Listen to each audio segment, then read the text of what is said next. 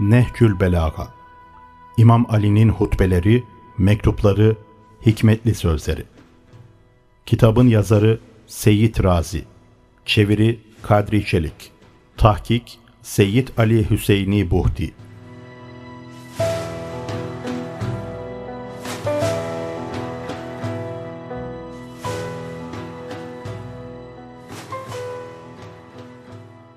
Birinci Bölüm Hutbeler Birinci Hutbe Hazreti Ali bu hutbesinde insanın, gökyüzünün ve yeryüzünün yaratılışından bahsetmektedir.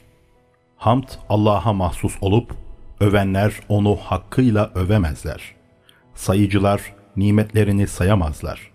Çalışıp çabalayanlar hakkını eda edemezler. Yüce himmetler onu idrak edemez, akıl, zeka denizine dalanlar ona erişemez. Onun sıfatlarının belli bir sınırı yoktur onun övgüsünü beyan edebilecek bir sıfat mevcut değildir. Sayılı bir vakti, uzatılmış bir süresi yoktur. Yarattıklarını kudretiyle yaratmış, rüzgarları rahmetiyle estirmiş ve yarattığı yeryüzünün sarsıntılarını kayalarla perçinlemiştir. Dinin evveli onu tanımak, onu tanımanın kemali, onu tasdik etmek, onu tasdik etmenin kemali, onu bir bilmek, onu bir bilmenin kemali ona karşı ihlaslı olmaktır. Ona karşı ihlaslı olmanın kemali ondan sıfatları nefyetmektir. Zira her sıfat mevsuftan yani sıfat sahibinden ayrıdır. Aynı şekilde her mevsuf da sıfattan ayrıdır. Dolayısıyla Allah'ı tavsif eden onu başkasına eşlemiş olur. Onu eşleyen onu ikilemiş olur. Onu ikileyen onu tecezzi etmiş yani parçalara ayırmış olur. Onu tecziye eden onu tanımamış olur. Onu tanımayan onu işaret eder. Onu işaret eden onu sınırlamış olur. Onu sınırlayan onu saymış olur. Neyin içindedir diyen onu bir yerde sanır. Ona mekan isnat eder. Neyin üstündedir diyen yerleri ondan boş bilmiş olur.'' Allah sonradan olmaksızın vardır, mevcuttur. Yokluğu tatmaksızın. Her şeyledir, eşleşmeksizin. Her şeyden başkadır, ayrılmaksızın. Faildir, hareket ve alet olmaksızın. Basirdir, görendir, yaratıklarından görülen yokken. Tektir, kendisiyle varlığında ünsiyet edineceği ve yokluğunda dehşete kapılacağı birisi olmaksızın.'' yaratmaya koyuldu, yarattı. Öyle bir yaratma ki alemi önceden düşünüp kurmadan, hiçbir tecrübeden istifade etmeden, harekete girişmeden ve ıstıraba düştüğü bir amacı olmadan yarattı. Her şeyi vaktinde yarattı. Birbirinden farklı şeyleri yakınlaştırdı, uzlaştırdı. Her şeyde bir kabiliyet ve tabiat yarattı. Suret ve şeklini düzdü, koştu.'' her şeyi olmadan bilendir. Eşyayı sınırları ve sonlarıyla tümüyle kuşatandır. Eşyanın nefsini ve şeklini, iç ve dış yüzlerini bilendir. Sonra münezzeh olan Allah gökleri ayırdı. Kenarlarını yardı ve hava katmanlarını, atmosferi oluşturdu. Sonra ondan dalgalı ve yüksek birikintisi olan bir su akıttı. Sonra o suyu her şeyi yerinden söküp koparan ve her şeyi kasıp kavuran bir rüzgara yükledi ve ona bu suyu iade etmeyi emretti. Rüzgarı suya musallat ve suyun sınırlarına yakın kıldı. Hava onun altından yarık ve su üstünden dökülmektedir. Sonra münezzeh olan Allahu Teala gökleri kazıyan bir rüzgar yaratmış, devamlılığını sağlamış, cereyan ettirmiş durgunluktan uzak kılmıştır. Rüzgara çağıldayan suyu alt üst etmesini ve denizleri dalgalandırmasını emretmiştir. Böylece rüzgar suyu bardakta çalkalanırcasına çalkalayıp göğe fırlatmıştır. Başı sonuna geldi, durgunu harekete geçti. Sonunda böylesine evire çevire su kabardı ve birikintisi köpük verdi. Bunu yarıkları olan ve açık geniş bir havanın içine kaldırdı. Böylece yedi kat gök oluştu. Alt tabakasını durgun bir dalga, üst tabakasını dayandığı bir direk ve düzgün durmasını sağlayan çiviler olmaksızın sağlam, korunmuş ve yüksek bir tavan kıldı. Sonra onu gezegenlerle ve ışıldayan yıldızlarla süsledi.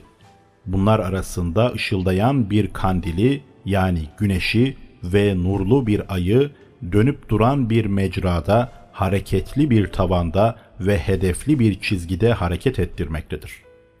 Sonra o yüce göklerin arasını yardı ve burayı çeşitli meleklerle doldurdu. Bazıları rükû etmeksizin sürekli secde halindedir.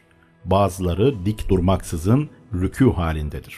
Bazıları saflar halinde kıyamda durmuş, birbirinden ayrılmazlar. Hepsi de usanmaksızın tesbih ederler. Gözlerine uyku girmez, akılları yanılmaz, bedenleri zayıf düşmez ve unutma gafletine düşmezler. Bazıları onun vahyinin eminleri ve elçilerine vahyini bildiren dilidir. Emrini ve kesinleşmiş hükümlerini getirir götürürler. Bazıları kullarını gözetler. Bazıları cennet kapılarında hizmetçilik eder. Bazılarının ayakları yeryüzünün en alt katmanlarında sabittir. Boyunları en yüksek göklerden yukarı taşmış haldedir. Organları alemin kenarlarına taşmıştır Omuzları arşın sütunlarını yüklenmeye uygundur. Gözleri arşın aşağısına eğilmiştir. Onun altını kanatlarıyla bürümüşlerdir. Kendileriyle başkaları arasına izzet örtüsü ve kudret perdesi getirilmiştir. Rablerini tasvir vehmine kapılmazlar. Yaratıkların sıfatlarını ona isnat etmezler. Onu mekanla sınırlamazlar. Ona benzerleriyle işaret etmezler.'' Adem Aleyhisselam'ın yaratılışı. Sonra münezzeh Allah yerin sarpından ve yumuşağından, tatlısından ve tuzlusundan toprakları bir araya topladı. Suyla karıştırıp halis bir kıvama getirdi. Nemlendirerek yapışkan hale getirdi. Bundan yönleri, ilişik yerleri, organları ve bölümleri olan bir suret yarattı. Pekişinceye kadar kurutmuş, belli ve sınırlı bir süre sıklaştırmıştır. Sonra ona ruhundan üfleyince kendini idare edecek zihni tasarrufta bulunduğu fikirleri, hizmetinde kullandığı organları, evirip çevirdiği araçları, hakla batılı, tatları, kokuları, renkleri ve türleri ayıran bir bilgisi olan bir insan oluverdi. Aynı renklerdeki topraklarla yoğruldu benzer ve zıtlarla birleşik hale getirildi. Soğuk, sıcak, yaş ve kuru farklı unsurlarıyla yoğruldu. Münezzeh olan Allah, meleklerden insana saygı için secde ederek ve huzurda bulunarak yanlarındaki emanete riayet etmeyi, hakkı eda etmeyi ve vasiyeti uygulamaya geçirmeyi istedi. Nitekim münezzeh olan Allahu Teala şöyle buyurdu. Secde edin Adem'e. İblis dışındakiler secde ettiler. Gurur, taassup onu baştan çıkardı. Şekavet, sapıklık galip geldi. Ateşten yaratılmış olmakla böbürlendi. Topraktan yaratılmayı küçümsedi. Böylece Allahu Teala gazabı hak etsin, imtihanı bitirsin ve vaktini doldursun diye ona mühlet verdi. Ona şöyle buyurdu sen vakti bilinen o güne kadar ertelenenlerdensin. Sonra münezzeh olan Allahu Teala Adem'i rahatça ve güzel bir şekilde yaşayabileceği bir diyara yerleştirdi. Çevresini güvenli kıldı. Adem'i iblise ve düşmanlığına karşı uyardı. Ama düşmanı onu bulunduğu yerden ve iyilerle dostluğundan kıskandığı için aldattı. Böylece kesin bilgisini şüpheye kararlılığını gevşekliğe değiştirdi. Sevincini korkuya, kandırılmasını pişmanlığa dönüştürdü. Sonra münezzeh olan Allah ona geniş tevbe kapısını açtı. Rahmet sözünü telkin etti. Cennetine dönüşü vaat etti. Onu neslin çoğaldığı imtihan yurduna indirdi. Sonra münezzeh olan Allah Adem'in çocuklarından nebiler seçti. Onlardan vahiy üzerine söz ve risaletini tebliğ üzerine emanetlerini emanete riayet edeceklerine dair söz aldı. İnsanların çoğu Allah'ın kendilerine şart koştuğu sözünü değiştirince, hakkını inkar edince, Allah'a eşler koşunca, şeytanlar onları Allah'ı tanımaktan alıkoyunca ve Allah'a ibadetten ayırınca Allah da onlara elçiler gönderdi ve insanlardan fıtri sözlerini tutmalarını istemek, insanlara unuttukları nimetini hatırlatmak, davetle hücceti tamamlamak, aklın definelerini, gizliliklerini ortaya çıkarmak ve onlara kudret ayetlerini göstermek için kesintisiz nebiler gönderdi. Üstlerinde yüksekçe bir tavan, altlarında serilmiş bir döşek, ihya eden bir rızık, öldüren zaman, ihtiyarlatan zorluklar ve peş peşe gelen olaylar bu kudret ayetlerindendir. Münezzeh olan Allah, kullarını gönderilmiş elçilerden, indirilmiş kitaptan, gerekli bir hüccetten ve apaçık doğru yolu göstermekten mahrum bırakmamıştır. Sayılarının azlığı ve yalanlayanların çokluğu peygamberleri engellememiştir. Önce gelen bir sonrakini, sonra gelen öncekini tanıtmıştır. Böylece asırlar birbiri ardınca geçti, zaman akıp gitti. Babalar gitti, yerine oğullar geçti. Ta ki münezzeh olan Allah vaadini gerçekleştirmek, nübüvvetini tamamlamak ve peygamberlere verdiği sözü tutmak için kendini müjdeleyen elçilerin kitaplarında yazılı, alametleri meşhur ve doğumu yüce olan Muhammed'i gönderdi. Yeryüzü ehli o gün çeşitli dinler, dağınık istekler ve farklı yollara yönelmişti. Kimisi Allah'ı yaratıklarına benzetmiş, kimisi isminde ilhada düşmüş, kimisi de başkasına işaret etmiş, yani şirk koşmuştu. Böylece Allah peygamber vasıtasıyla onları hidayete erdirdi ve onları cehaletten kurtardı. Sonra Allah Muhammed'e kendine kavuşmayı seçti. Onun için katındakileri beğendi. Dünya yurdundan ayırmak ve imtihan diyarından çekip almak ikramında bulundu. Sonunda saygıyla onun ruhunu kabzetti ve sizlere nebilerin ümmetlerine bıraktığı şeyleri bıraktı. Böylece peygamberler ümmetini başıboş bırakmadı. Apaçık bir yol belirtmeden ve hidayet bayraklarını dikmeden gitmedi. Rabbinizin kitabı artık yanınızdadır.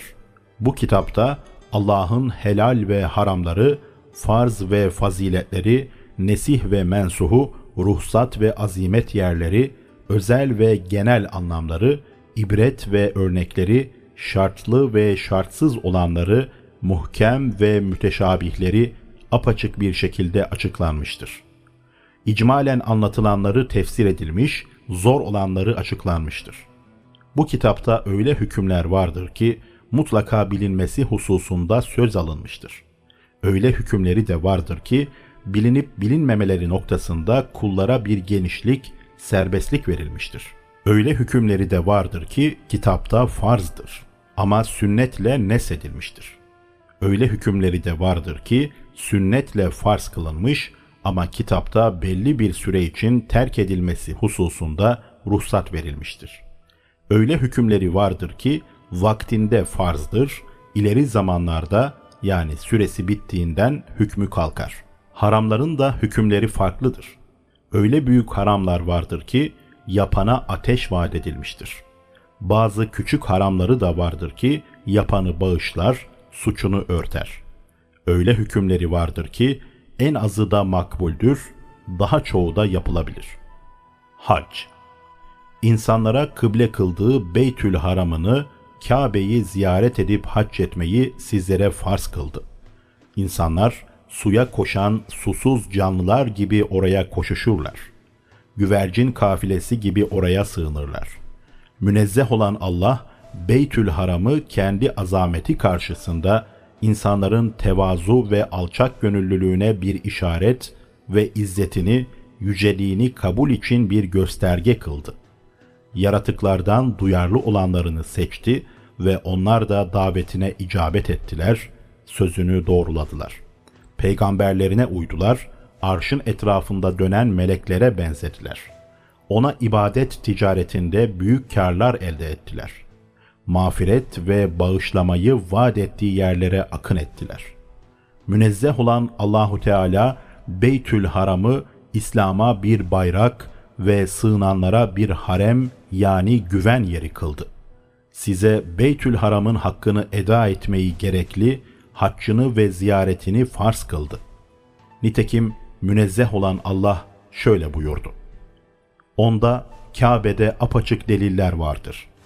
İbrahim'in makamı vardır. Kim oraya girerse güvenlik içinde olur. Oraya yol bulabilen insana Allah için Kabe'yi hac etmesi Allah'ın insanlar üzerinde bir hakkıdır. Kim küfrederse bilsin ki doğrusu Allah alemlerden müstanidir. Ali İmran Suresi 96. Ayet İkinci Hutbe Hazreti Ali Sıffin'den dönerken okuduğu bu hutbesinde insanların Biset'ten önceki hali, peygamberin, ehli beytin vasıfları ve diğer insanların durumu söz konusu edilmiştir. Nimetini tamamlamak, izzetine teslim olmak ve günahlarından korunmak için Allah'a hamd ederim. Yeterliliğine, kifayetine olan ihtiyacımdan dolayı ondan yardım dilerim. Allah'ın hidayet ettiği sapmaz. Kendisine düşmanlık eden kurtulmaz. Kendisine yeterli olduğu, kifayet ettiği kimse yoksul olmaz. Ona hamd etmek, ölçülüp tartılan ve saklanıp korunan her şeyden daha üstündür. Şehadet ederim ki Allah'tan başka ilah yoktur. Tektir. Ortağı yoktur. Bu öyle bir şehadettir ki ihlası imtihan edilmiş ve halis olduğuna inanılmıştır. Bizleri sağ bıraktığı, yaşattığı müddetçe sadece ona sarılırız. Bu şehadeti göreceğimiz korkulu anlar için saklarız. Şüphesiz ki bu şehadet imanın azimeti, ihsanın anahtarı, Rahman'ın razı olduğu ve şeytanı uzaklaştıran bir şehadettir. Yine şehadet ederim ki Muhammed onun kulu ve elçisidir. Onu meşhur bir din, aktarılmış bir ilim, yazılmış bir kitap, parıldayan bir nur, ışıldayan bir ışık ve insanlar arasında hükmeden bir emirle şüpheleri gidermek, apaçık delillerle delillendirmek, nişaneleriyle sakındırmak ve cezalarıyla korkutmak için gönderdi. Yakin, kesin inançlar direkleri şiddetle sarsılmış, temelde ihtilaf çıkmış, işler darmadağın olmuş, çıkış yeri daraldıkça daralmış ve giriş köreldikçe körelmiş, hidayet gizli kalmış, körlük her yanı kaplamış, Rahman'a isyan edilmiş, şeytana yardım edilmiş, iman yardımsız kalmış, sütunları yıkılmış, işaretleri belirsizleşmiş, yolları viran olmuş, geçitleri silinip gitmişti. İnsanlar şeytana itaat etmiş, onun yollarını tutturmuş, onun yataklarına akmıştı. Şeytanın işaretleri onlarla yürüyor, bayrağı dikilip dalgalanıyordu. İnsanlar kendilerini tabanlarıyla ezen, tırnaklarıyla kırıp geçiren fitnelere düşmüştü. Fitneler tırnaklarının ucuna basmış kalmıştı. İnsanlar bu fitneler içinde yollarını kaybetmiş, şaşırıp kalmış, bilgisiz hale gelmişlerdi. Fitneler içinde kıvranıyorlardı. En hayırlı evin en kötü komşularıydılar. Uykuları uykusuzluk ve sürmeleri gözyaşıydı. Bilgi sahiplerinin ağzına gem vurulmuş, cahil insanlara ikram edilir olmuştu. Ehli Beyt Allah'ın sırrının yeri, emrinin sığınağı, ilminin kaynağı, hükümlerinin merkezi, kitaplarının barınağı, dininin dağları Ehli Beyt'tir. Dinin bel büküklüğü onlarla doğrulur ve titremesi onlar sayesinde gider, dinçleşir. Münafıklar kötülük tohumları ektiler. Onu aldanışla suladılar, helak ve azap biçtiler. Bu ümmetten hiç kimse Muhammed ehli beyti ile mukayese edilemez. Hiçbir zaman ehli beytin nimetlerinin üzerine aktığı kimseyle ehli beyt bir sayılmaz. Onlar dinin esası, yakinin direğidir. İleri gidip aşırıya kaçanlar döner, onlara katılır. Geri kalan gelir, onlara uyar. Velayet hakkının özellikleri sadece onlarındır. vasiyet ve veraset de onlardadır. Hak şimdi ehline döndü ve intikal etmesi gereken yerine intikal etti. Üçüncü hutbe Şıkşıkiye hutbesi adıyla meşhurdur.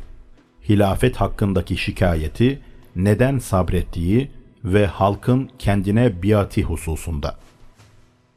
Allah'a andolsun ki falan kimse hilafete göre yerimin değirmen taşının mili gibi olduğunu bildiği halde hilafeti bir gömlek gibi giyindi. Oysa sel benden akar ve hiçbir kuş benim uçtuğum yerlere uçamazdı. Ben de hilafetle arama bir perde çektim. Ondan yüz çevirdim. Başladım düşünmeye. Kesilmiş elimle atağımı geçeyim yoksa kapkaranlık körlüğe sabır mı edeyim?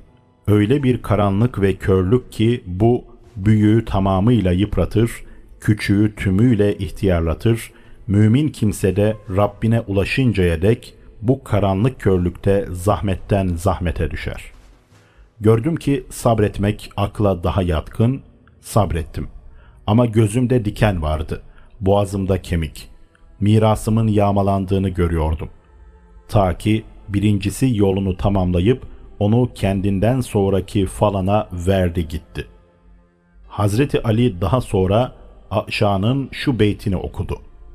Devenin üzerinde olduğum bugün bile Cabir'in kardeşi Hayyan'la bulunduğum gün ne kadar da farklıdır.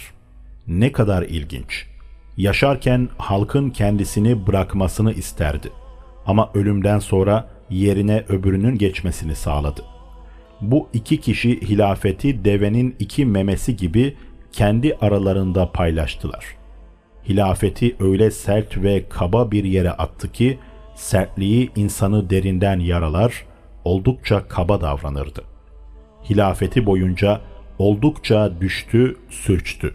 Durmadan sürçtükçe özür diledi. Hilafet sahibi huysuz bir deveye binmişe benzerdi.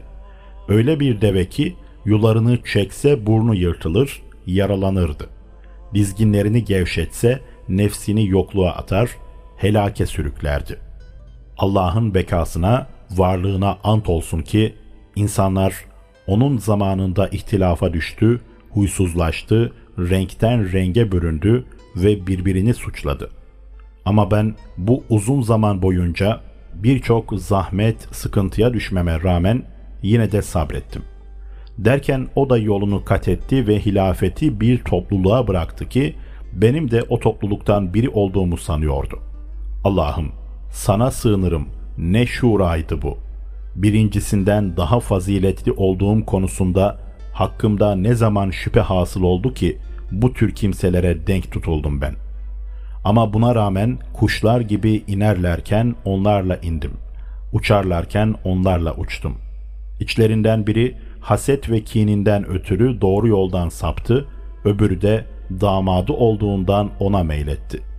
Öbürleri de öyle şeyler yaptılar ki söylenmesi, anılması bile çok çirkin. Derken yediği yerle kirlettiği yer arasında hayatını geçiren üçüncüsü iki yanı şişmiş bir halde kalktı.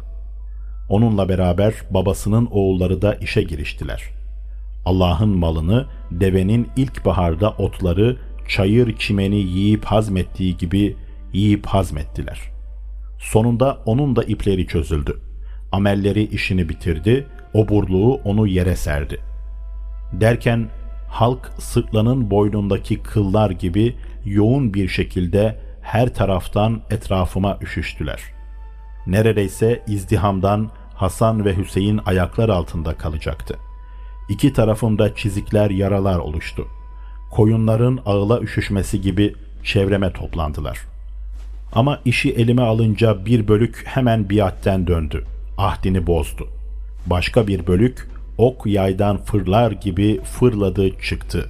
Öbürleri de zulme saptılar.'' Sanki onlar her türlü noksan sıfatlardan münezzeh olan Allah'ın işte ahiret yurdu. Biz onu yeryüzünde yücelik ve bozgunculuk dilemeyenlere veririz ve akıbet takva sahiplerinindir buyurduğunu duymamışlardı. Evet, andolsun Allah'a ki elbette duydular ve anladılar da. Ama dünya gözlerine süslenmiş, bezenmiş bir şekilde göründü. Onun bezentisi, süsü hoş geldi onlara.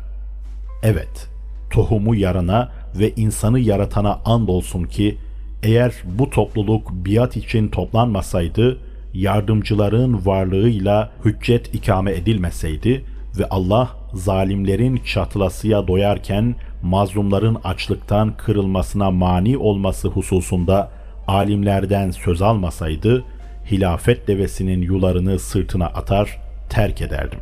Hilafetin sonunu ilk kasesiyle suvarırdım. Yani daha önce peşinde koşmadığım gibi şimdi de peşinde koşmaz, onu hemen terk ederdim. Sizler de biliyorsunuz ki şu dünyanızın değeri bir keçinin aksırığından daha değersizdir bence.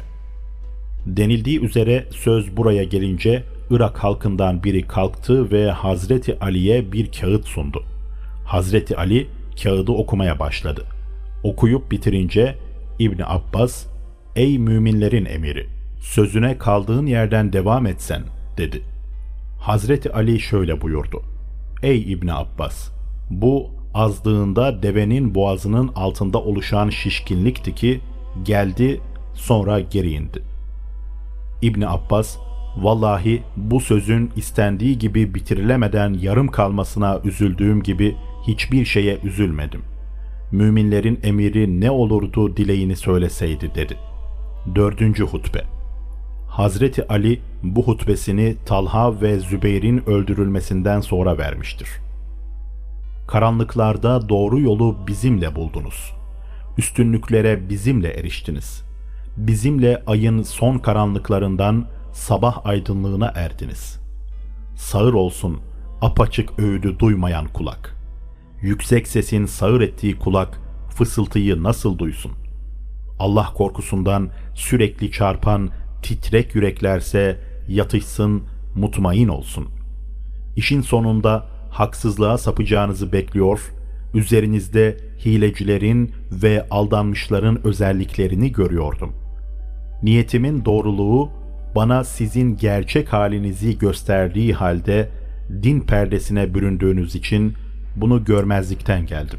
Batıl yol üzerinde toplandığınızda sizin için hak yolun başında durdum. Her yana şaşkınca bakıyordunuz. Kılavuzunuz yoktu.'' Kuyu kazıyordunuz. Fakat su bulamıyordunuz. Bugün artık beyan sahibinin konuşmayan dilini konuşturuyorum. Halimi beyan eden bu sır dolu hutbeyi veriyorum. Bana muhalefet eden kimselerin görüşü yerin dibine batsın. Bana gösterildiğinden beri hak konusunda şüpheye düşmedim. Musa nefsi için değil, cahillerin galip gelmesinden ve sapıklığın hükmetmesinden korkmuştu. Bugün hak yolla batılın karşı karşıya geldiği bir yerde bir araya gelmiş bulunuyoruz. Suya kavuşacağından emin olan kimse, yani bana itaat eden kimse hiç susamaz, sapıklığa düşmez. 5. Hutbe Resulullah'ın vefatından sonra Abbas ve Ebu Süfyan bin Harp Hazreti Ali'ye biat etmek için geldiğinde onlara şöyle buyurdu. Ey insanlar! Fitne dalgalarını kurtuluş gemisiyle aşın. Nefret yolundan ayrılıp gurur tacını başınızdan atın. Kanadıyla uçan, yeterli taraftarlarıyla kıyam eden kurtulur ve teslim olan yani yeterli taraftarı olmadığı için inzivaya çekilen halkı rahatlığa kavuşturur. Bu yeterli taraftar olmadığı halde iddia ettiğiniz kıyam kokmuş ve rengi değişmiş bir sudur.'' Yiyenin kursağında düğümlenen bir lokmadır. Vakti gelmeden ham meyveyi devşiren, başkasının toprağına tohum ekene benzer. Konuşacak olursam, hükümet hırsına kapıldığımı söylüyorlar. Susacak olursam, ölümden korktuğumu iddia ediyorlar. Heyhat! Başımdan geçen bunca sayısız zor ve ağır olaydan sonra mı ölümden korkacağım?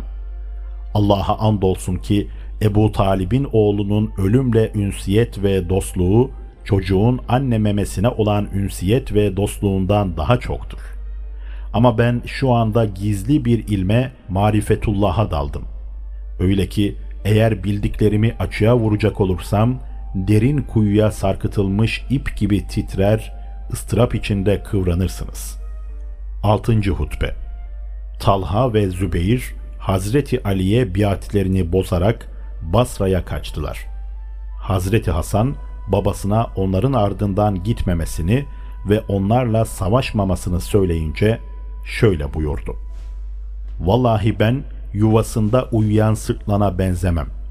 Onu gözetleyen avcı yani yuvadan çıkarmak için herhangi bir şeyle yavaşça yere vurarak onu sesin peşi sıra yuvadan çıkartır, yakalar ve hileyle aldatır.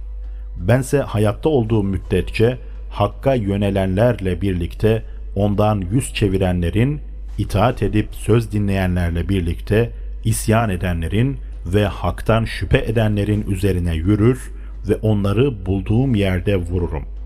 Vallahi Allah elçisini katına aldığı zamandan bugüne dek hakkımdan mahrum olmuş, hakkımı elde etmekten men edilmiş, işlerimde yalnız bırakılmıştım. 7. Hutbe Hazreti Ali bu hutbesinde muhaliflerini eleştirmektedir. İşlerinde şeytanı ölçü aldılar. Şeytan da onları ortaklar edindi. Şeytan gönüllerinde yuva yaptı, yumurtladı, yavru çıkardı, onları kendi eteğinde terbiye etti, büyüttü. Böylece onların gözleriyle baktı, dilleriyle söyledi. Onları hatalar merkebine bindirdi ve onlara kötülükleri süsleyip güzel gösterdi. Sonunda işleri güç ve saltanatında şeytanla ortak olanın ve onun diliyle batıl söz söyleyenin işine benzedi. 8. Hutbe Hazreti Ali bu hutbesinde Zübeyir'i kastetmiştir. Zübeyir, eliyle biat ettiğini, gönlüyle etmediğini sanmaktadır. Biatini ikrar ettiği halde kalbinde bunun aksini gizlediğini iddia etmektedir. Öyleyse ya bunu ispat eden bir delil getirsin ya da çıktığı biatine geri dönsün. 9. Hutbe Hazreti Ali, Talha ve Zübeyir'i Cemel Savaşı'nda şu şekilde eleştirmektedir. Gök gibi gürlediler, şimşek gibi çaktılar. Ancak korkuyla kala kaldılar, dağıldılar. Bizse çakmadan gürlemeyiz, yağmadan akmayız. 10. Hutbe Cemel Savaşı'nın müsebbipleri hakkında Dikkat edin! Şeytan ordusunu toplamış, atlısını ve yayasını yanına almıştır. Bense basiretimi kaybetmedim. Ne gerçeği gizledim ne de gerçek benden gizlendi. Allah'a yemin olsun ki suyunu çektiğim havuzu onlarla öyle bir dolduracağım ki bir daha ne oradan çıkabilirler ne de oraya dönebilirler. 11. Hutbe Cemel Savaşı'nda sancağı verdiği oğlu Muhammed bin Hanefiye'ye Dağlar yerinden ayrılsa da sen yerinden ayrılma. Dişini sık. Başını Allah'a emanet et. Ayağını yere bas ve diren. Gözünü ordunun ta sonuna dik. Gözünü kız ve bil ki yardım ve zafer ancak şanı yüce olan Allah katındadır. 12. Hutbe Cemel Savaşı'nda galip gelince Hazreti Ali'ye ashabından biri şöyle dedi falan kardeşimin de bu savaşta bizimle olmasını ve Allah'ın seni nasıl zafere eriştirdiğini onun da görmesini öyle isterdim ki. Hazreti Ali, kardeşin bizimle olmayı ister miydi diye sordu. Evet cevabını alınca da şöyle buyurdu. Öyleyse o da bizimle beraberdi. Şu askerlerimiz içinde öyle kişiler var ki henüz babalarının bellerinde, analarının rahimlerindedirler zaman burundan gelen pıhtı gibi onları ortaya atacak, iman onlarla kuvvet bulacaktır. 13. Hutbe Hazreti Ali Cemel Savaşı'nda galip gelip Basra'yı ele geçirince şehrin merkez camisinde kıldırdığı ilk cuma namazı hutbesinde halka şöyle buyurdu. Bir kadının yani Ayşe'nin ordusu oldunuz. Bir hayvana Ayşe'nin devesine uydunuz. Devesi bağırdı, koştunuz. Öldürüldüğünde de kaçtınız. Ahlakınız kötülük, ahdiniz ayrılık, dininiz nifak, suyunuz tuzludur. Sizinle yaşayan günahının cezasına uğramıştır.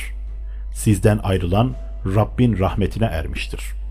Mescidiniz sanki denizde yüzen bir gemi gibi. Allah'ta azap olarak üstten yağmur yağdırmada, alttan da dalgalar denizi coşturmada ve içindeki herkes boğulmaktadır. Diğer bir rivayet. Andolsun Allah'a ki şehriniz batacaktır. Hatta ben mescidinizi denizde bir gemi veya denizin ortasında çırpınan bir kuş gibi görüyorum. Diğer bir rivayet. Mescidiniz büyük bir denizin dalgaları arasında yüzen bir kuş gibidir. Diğer bir rivayet. Şehriniz Allah'ın beldeleri içinde toprağı en pis kokanı, suya en yakını, göğe en uzağıdır. Şerrin onda dokuzu buradadır. İçinizde olan günaha düçardır. Sizden ayrılan Allah'ın affına kavuşur. Bu beldenizi sanki suyun üzerini kaplamış gibi görüyorum. Hatta mescidin en yüksek yeri dışında olan hiçbir şey görünmüyor. Sanki denizin coşkun dalgaları arasında çırpınan bir kuş gibidir. 14. Hutbe Basra ve ehlini kınamaktadır. Topraklarınız suya, denize yakın ama ya deniz seviyesinin altında olduğu için ya da şehir halkının kötü ahlakından dolayı göklere uzaktır. Aklınız hafif, uysallığınız yersizdir. Dolayısıyla da atıcılar için hedef, yiyiciler için lokma ve saldırganlar için bir avsınız. 15. Hutbe Hazreti Ali hilafeti zamanında 3. Halife Osman'ın haksız yere akrabalarına verdiği arazileri asıl sahiplerine geri verdi ve şöyle buyurdu. Allah'a andolsun ki Osman'ın akrabalarına verdiği şeylerle kadınlar evlendirilmiş ve cariyeler alınmış olsa bile onları sahiplerine geri çevireceğim. Zira adalet ve dürüstlükte genişlik vardır. Adalet ve dürüstlükten sıkılanlar, zulüm ve haksızlıktan daha çok sıkılırlar. 16. Hutbe Hazreti Ali kendisine Medine'de biat edildikten sonra şöyle buyurdu. Ben sözüme kefilim. Söylediklerimi yapacağım. Önündeki bela ve olaylardan ibret alan kimseyi şüpheli şeylere düşmekten takva alıkoyar. Bilin ki sıkıntı ve bela, ihtilaf ve cehalet Allah'ın Nebinizi gönderdiği günkü şekliyle aranıza geri dönmüştür. Peygamberi hak üzerine gönderene andolsun ki büyük imtihandan geçecek, sınanma kalburunda elenip ayrılacak ve kazandaki yemeğin pişerken alt üst olduğu gibi alt üst olacaksınız. Sonunda en aşağınız en yüce makama erecek ve en yüceniz en aşağı makama alçalacaktır. Geri kalmışlar ilerleyecek ve öne geçecekler, herkesi geçen ve ileri gidenlerse geri bırakılacaklardır. Allah'a andolsun ki hiçbir sözü gizlemedim ve asla yalan söylemedim. Peygamber tarafından daha önce bu makamdan ve bugünden haberdar edilmiştim. Bilin ki günahlar dizginleri kopmuş azgın atlara benzer. Onlara binenler günahkardır ve binicilerini ateşe atarlar. Takva ise itaatkar olan bir deve gibidir ki dizginleri binicilerinin elindedir ve onları cennete götürür. Hak ve batıl her iki yolunda ehli vardır. O halde eğer batıl hükümet olursa ki bu ilginç değildir. Zira eskiden beri vardı, yapılır giderdi. Şüphesiz hak az olursa çoğalması umulur. Ama bir şey giderse dönüşü nadir olur. Cennet ve cehennem önünde olan kimse meşgul olur, insanları cennete veya cehenneme götüren amelleri göz önünde tutar. İnsanlar üç kısımdır. Bir kısım insan hızlı ve çabuk çalışır. Salih amelleri sayesinde kurtulur. Bir kısım insan ağır davranır, yavaşlar. Ama Allah'ın mağfiret ve bağışını ümit eder. Bir kısım insansa günah içinde hakkı görmezlikten gelir. Bu yüzden de ateşe düşer. Sağ ve sol sapıklık yoludur. Doğru yol orta yoldur. Kur'an ve peygamberliğin eserleri, izleri, sünneti de bunun şahididir. Resulullah'ın yolu ve sünneti de bu yoldan çıkar. Mutluluk yolu da bu yola döner. Hak'tan başkasını iddia eden helak olur. İftira eden kaybeder. Hakka karşı koyan helak olur. Kendi derecesini bilmeyene cehalet yeter. Takva üzere kurulu sağlam temel çürümez, oraya ekin ekenlerin ekini asla susuz kalmaz. Takva üzere kurulu inançlar, düşmanın çağrılarıyla yıkılmaz, takva üzere ekilen ekinler fitne sıcaklığında kurumaz. Evlerinize saklanın. Aranızdaki ihtilafları ıslah edin. Tevbe arkanızda duruyor. Ne zaman günahlarınızdan pişman olur ve tevbe ederseniz, tevbe sizden uzak değildir. Hamd eden sadece Rabbine hamd etsin ve kınayan sadece kendini kınasın. 17. Hutbe Hazreti Ali ehil olmadıkları halde halka hükmetmeye kalkışanlar hakkında şöyle buyurmaktadır. Allah'ın yaratılmışlar içinde en fazla buz ettiği iki kişi vardır. Birincisi Allah'ın günahları sebebiyle kendi başına bıraktığı kimsedir. Bu kimse doğru yoldan sapmış, bidat sözlere ve halkı saptırıcı çağrılara yönelmiştir.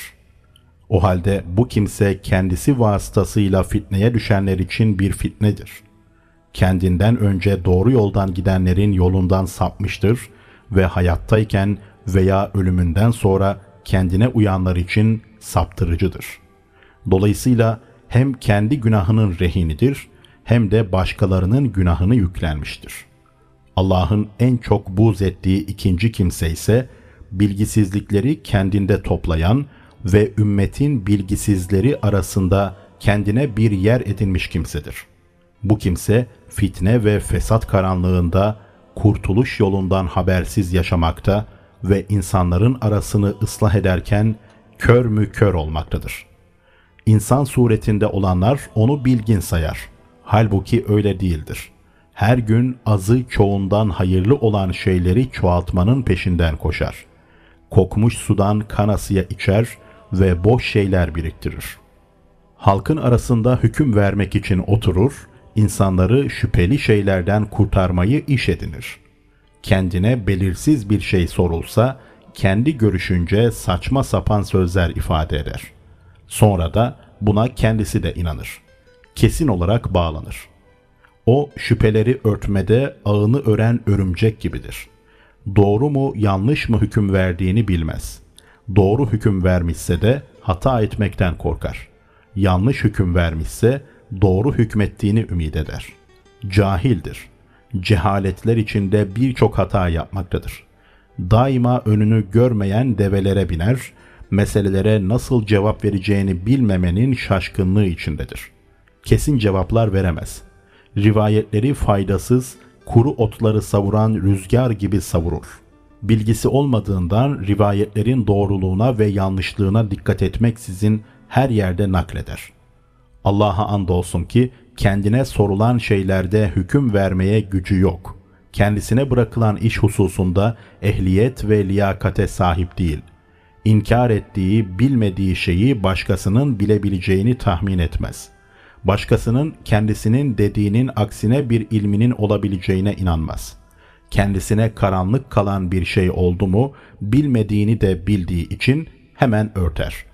Onun zulüm ve haksızlık üzere verdiği hükümler neticesinde dökülen kanlar feryat etmektedir. Miraslar zalim elinden inlemektedir. Haksız hükümleri neticesinde cahil yaşayanları ve sapık yol üzere ölenleri Allah'a şikayet ederim.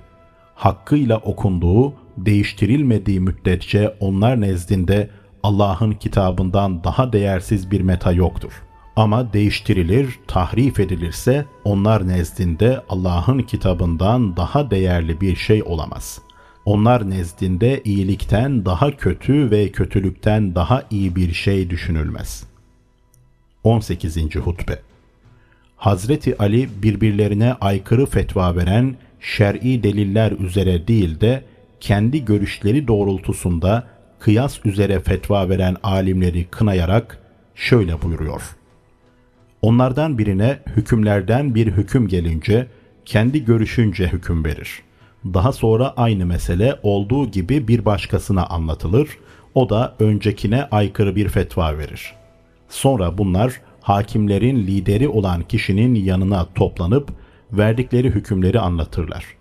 O da hepsinin hükmünün doğru olduğuna hükmeder. Halbuki ilahları bir, peygamberleri bir, kitapları birdir.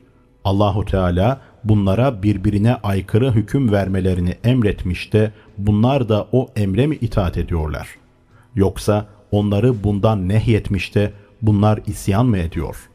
Yoksa haşa Allah noksan bir din indirmiş de bunlardan dinini tamamlamak için yardım mı diliyor? Yoksa ortak mıdırlar onunla da onlar söyleyecek o da razı olacaktır onlardan. Yoksa Allahu Teala mükemmel bir din indirdi de haşa tebliğ ve edası hususunda peygamber bir hata mı etti? Halbuki noksanlıklardan münezzeh olan Allah bizzat şöyle buyurmaktadır. Kitapta biz hiçbir şeyi eksik bırakmadık. Yine aynı şekilde onda her şeyin açıklamasının olduğunu, kitabın bir kısmının diğer bir kısmını tasdik ettiğini ve onda hiçbir ihtilafın olmadığını bildiriyor. Nitekim şöyle buyuruyor. Eğer o Allah'tan başkasından gelseydi onda çok aykırılıklar bulurlardı. Gerçekten de Kur'an'ın zahiri, dışı güzel mi güzel, batını, iç yüzü oldukça derin mi derindir. İlginç şeyleri asla bitmez. Esrarı ve nükteleri sona ermez. Karanlıklar ancak onunla keşfolunur, aydınlanır.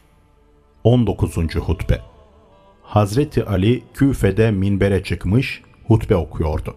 Hazreti Ali bu hutbesinde Muaviye ile yaptığı savaşta seçilen iki hakem konusunu açıklayınca Eş'as bin Kays, önce bizi hakemleri kabul etmekten sakındırdın ama sonra kendin kabul ettin. Bu ikisinden hangisi doğrudur bilemiyoruz diye itiraz etti. Bunun üzerine Hazreti Ali elini elinin üstüne koyarak biatı bozan toplumun cezası budur dedi. Eşas bin Kays bu söz senin lehine değil aleyhinedir deyince de Hazreti Ali ona sert bir şekilde bakarak şöyle buyurdu. Hangi şey aleyhime, hangi şey lehime sen ne bilirsin? Allah'ın ve lanet edenlerin laneti sana olsun ey dokumacı oğlu dokumacı, ey kafir oğlu münafık. Andolsun Allah'a ki babanın intikamını almak için bir defa küfürde, bir defada İslam'da esir oldun. Ne malın ne de büyüklüğün seni bu iki esaretten kurtarmadı. Kavmini kılıca sevk eden ve ölüme götüren kimseyi yakınlarının düşman ve yabancıların da güvenilir bulmaması haktır. 20. Hutbe Hazreti Ali bu hutbesinde insanları gafletten uyandırmaktadır. Gerçekten de siz içinizden ölen kimselerin gördüğünü görseydiniz, feryat eder, inleyip sızlardınız. Korkar, dinler, itaat ederdiniz. Ama onların gördüklerini göremiyorsunuz.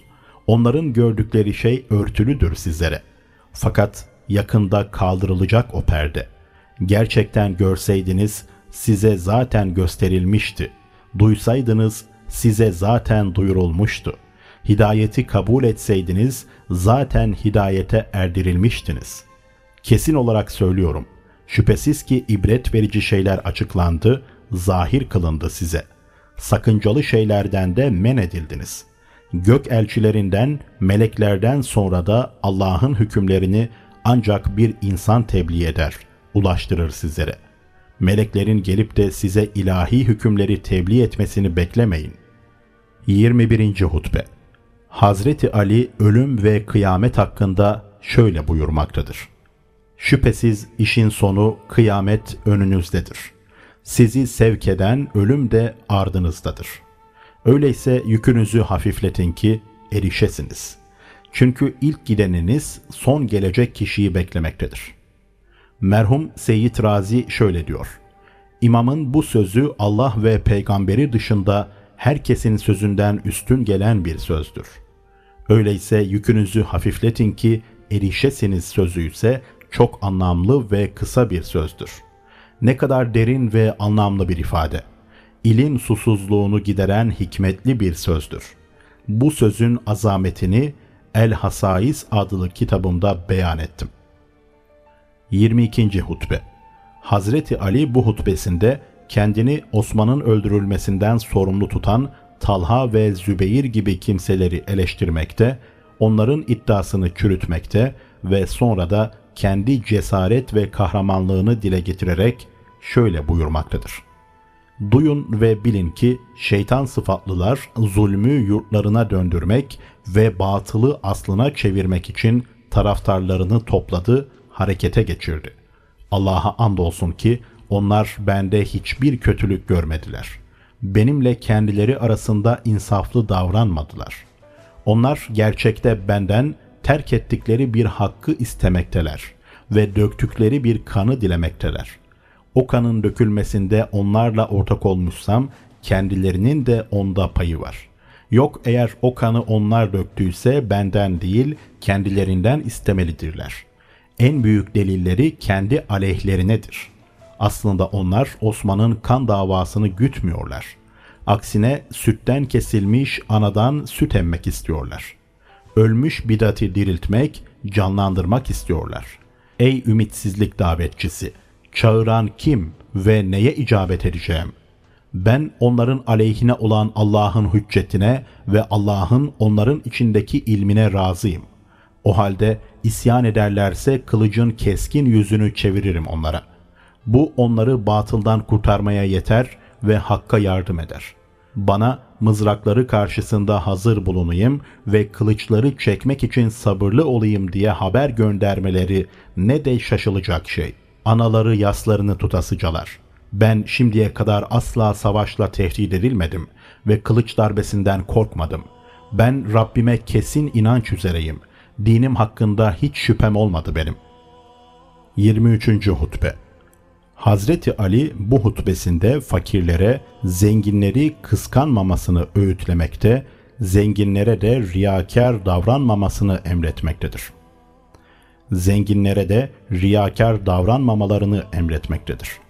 Ayrıca da yakınları ziyaret etmenin faydalarını ve onlara yardım ve merhamet edilmesini beyan etmektedir.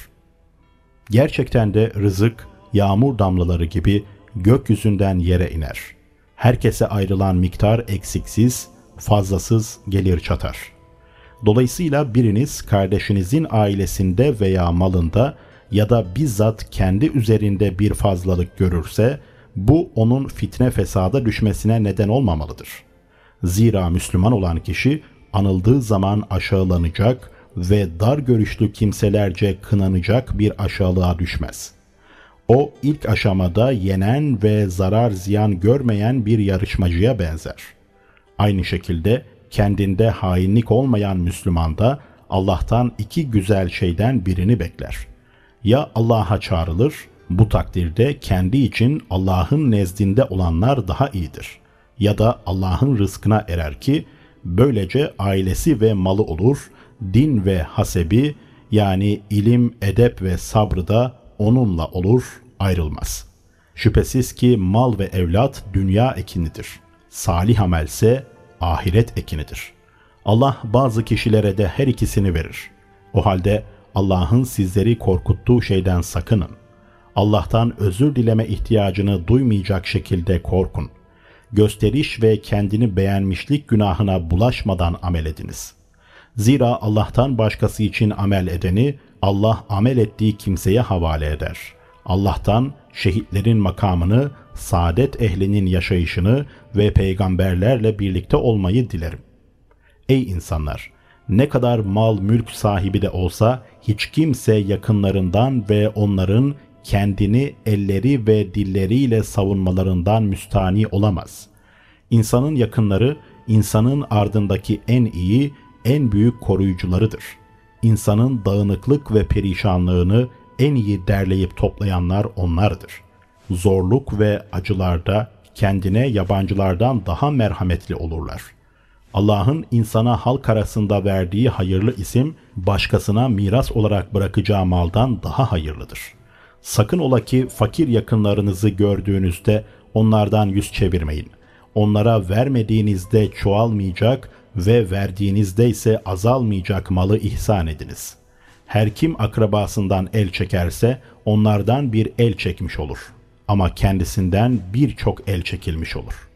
Her kim etrafındakilere alçak gönüllü ve merhametli olursa onların sürekli dostluğunu kazanır. 24. Hutbe Hazreti Ali bu hutbesinde kendisi için savaşta gevşeklik ediyor diyenleri reddederek insanları takvaya davet etmektedir. Canıma andolsun ki hakka karşı duranlara ve sapıklık yolunda yürüyenlere karşı savaşma hususunda müsamaha ve gevşeklik göstermem. O halde ey Allah'ın kulları, Allah'tan korkun. Allah'tan yine Allah'a gazabından rahmetine, azabından bağışlamasına, adaletinden fazlına sığının. Size apaçık duran, apaydın olan yoldan yürüyün. Allah'ın sizi mükellef kıldığı şeyleri yerine getirin. Her ne kadar bugün kurtuluşa eremeseniz de Ali sizin gelecekte kurtuluşa ereceğinizi garantiler. 25. Hutbe Sürekli Muaviye'nin askerlerinin şehirleri birbiri ardınca ele geçirdiği haberleri geliyordu. Muaviye'nin gönderdiği Büsr bin Ebi Ertat komutasındaki askerler Yemen'e girince Hazreti Ali'nin Yemen valileri Ubeydullah bin Abbas ve Said bin Numran şehri terk ederek Küfe'ye Hazreti Ali'nin yanına vardılar. Yemen'de Osman'ın taraftarı olan bir grup bir takım maslahatlar gereği Hazreti Ali'ye biat etmişlerse de Irak halkı muhalefete kalkıştı. Hazreti Ali'nin Mısır valisi Muhammed bin Ebi Bekir öldürülünce ve Şamlıların zulmü artınca bu olayları fırsat bilerek Hazreti Ali'nin bu iki valisine muhalefet ettiler. Hazreti Ali bunu duyunca hemen bir mektup yazarak onları tehdit etti. Onlarsa Hazreti Ali'den bu iki valiyi azletmesini, aksi takdirde kendisine biat etmeyeceklerini söylediler ve Hazreti Ali'nin gönderdiği mektubu Muaviye'ye göndererek durumu ona da bildirdiler. Muaviye de hemen bu durumu değerlendirerek fitneci ve kan dökücü birisi olan Büsr bin Ebi Ertat'ı onların yardımına gönderdi. Büsr Sana şehrine girince Hazreti Ali'nin iki valisi Ubeydullah ve Said Abdullah Sakafi'yi yerlerine geçirerek oradan kaçıp Küfe'ye doğru yola koyuldular. Büsr ise Abdullah Sakafi'yi katletti. Hazreti Ali Sana'yı bırakıp kaçan bu iki valisini Büsr ile savaşmadığı için kınadı. İki vali bir takım özür ve bahaneler ileri sürdü. Hazreti Ali ashabının cihat hususundaki tembelliği ve emrine muhalefeti nedeniyle oldukça üzgün bir halde minbere çıkarak şöyle buyurdu. Elimde sadece sıkıp gevşettiğim, tasarruf edebildiğim küfe kaldı. Ey küfe! Eğer elimde senden başka bir yer kalmayacak ve sende de fırtınalar esip kasırgalar kopacaksa Allah seni çirkinleştirsin, seni harabeye çevirsin, viran etsin. Hazreti Ali daha sonra örnek olarak şairin şu beytini okudu. Ey Amr! Baban El Hayr'ın ömrü için bana sadece kabın dibindeki yağlı artık kaldı. Hazreti Ali daha sonra şöyle buyurdu. Bana Büsr'ün Yemen'i ele geçirdiği haberi geldi. Vallahi onlar batıl yolda birlik içindeyken sizin hak yolunuzda ayrılığa düşmeniz, onlar batıl yolda imamlarına itaat ederken sizin hak yolunda imamınıza isyan etmeniz, onlar emaneti sahibine verirken sizin emanete hıyanet etmeniz, onlar şehirlerinde düzen içinde hareket ederken sizin fesat, bozgunculuk çıkarmanız sebebiyle çok geçmeden sizlere galip geleceklerini sanıyorum. Sizlere bir sarak emanet etsem, devenin semerine asılan ipini götürmenizden korkuyorum. Allah'ım, ben onlardan, küfe halkından bezdim. Usandım. Onlar da benden usanıp bezdiler. O halde bana onlardan hayırlısını ver ve onlara da benden kötüsünü musallat kıl. Allah'ım, onların kalplerini tuzun suda eridiği gibi erit. Allah'a andolsun ki sizin yerinize gayret, cesaret ve dostlukla ün yapmış Firas bin Gan oğullarından bin atlım olmasını daha çok isterdim. Daha sonra şu beyti okudu. Ey Ümmü Zenba! Yardım için Temim oğullarından yardım isteseydin, yaz bulutları gibi atları gelirdi sana. Daha sonra minberden aşağı indi.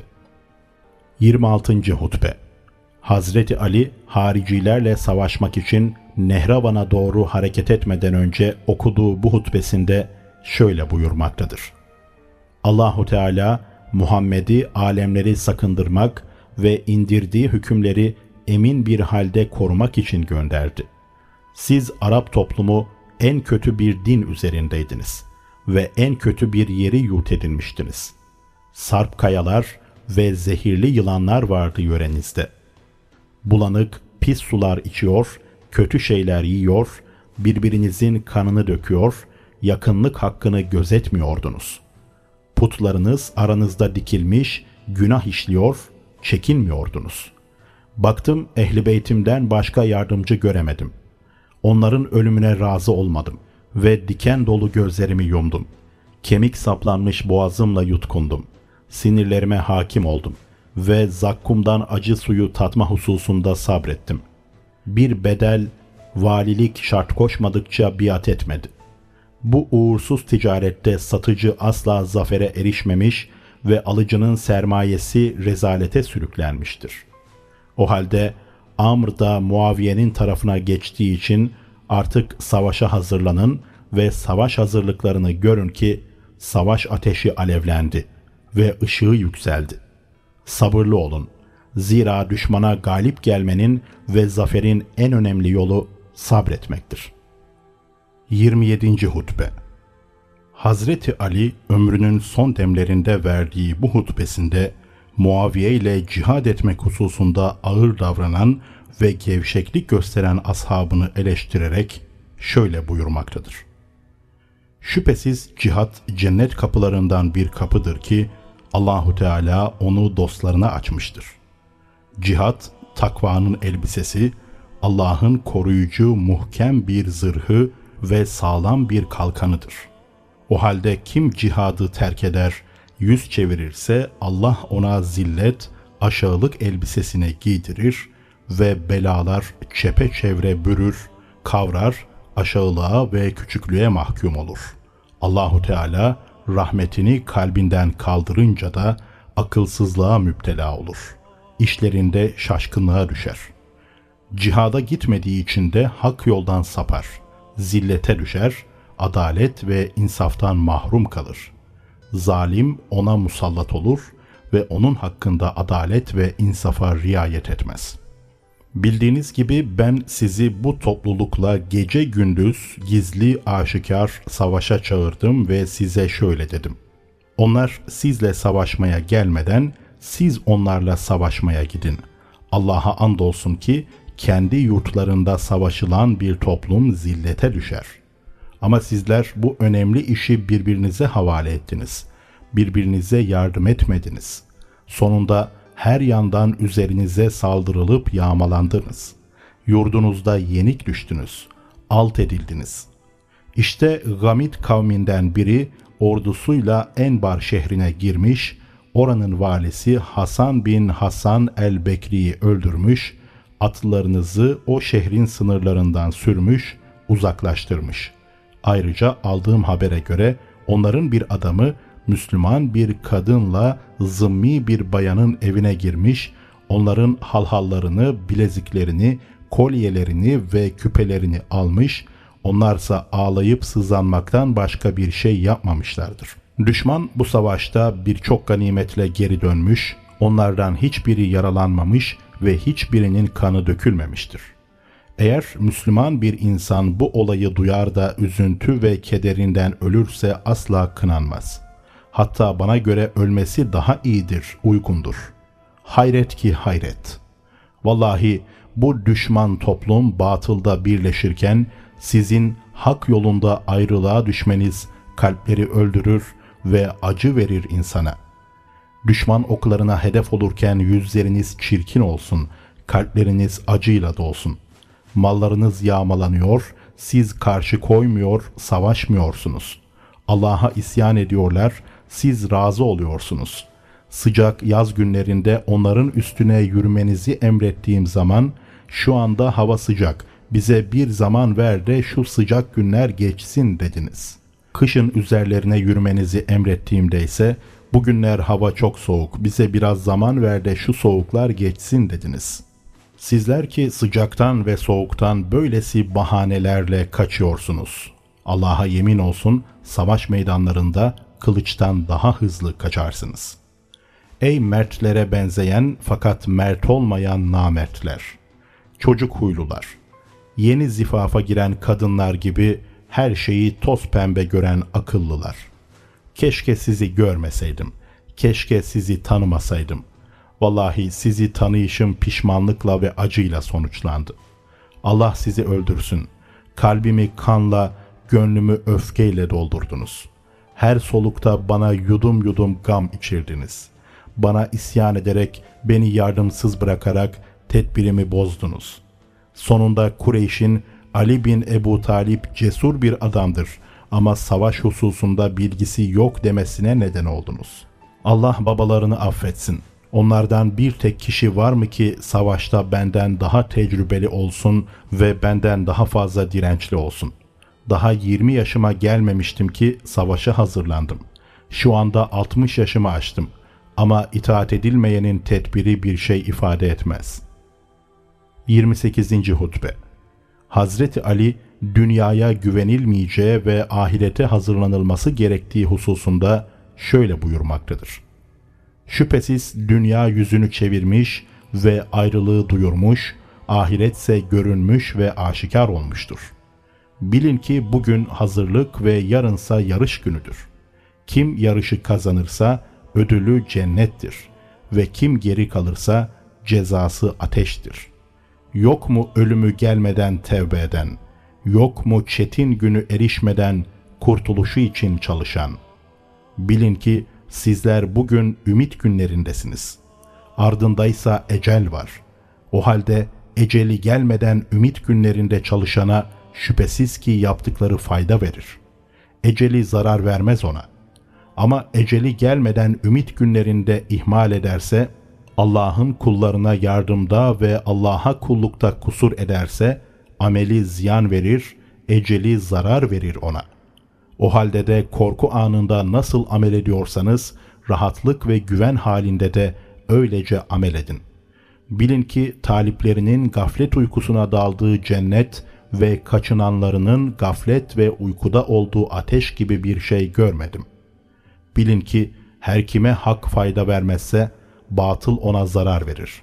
Her kim hidayetle doğru yola koyulmazsa sapıklık onu helak eder ve yokluğa sürüp götürür. Bilin ki göçe memur oldunuz ve sefer için azık almanız istendi. Sizin için en fazla korktuğum iki şey var. Heva ve hevese uymak ve uzak ümitlere kapılmak.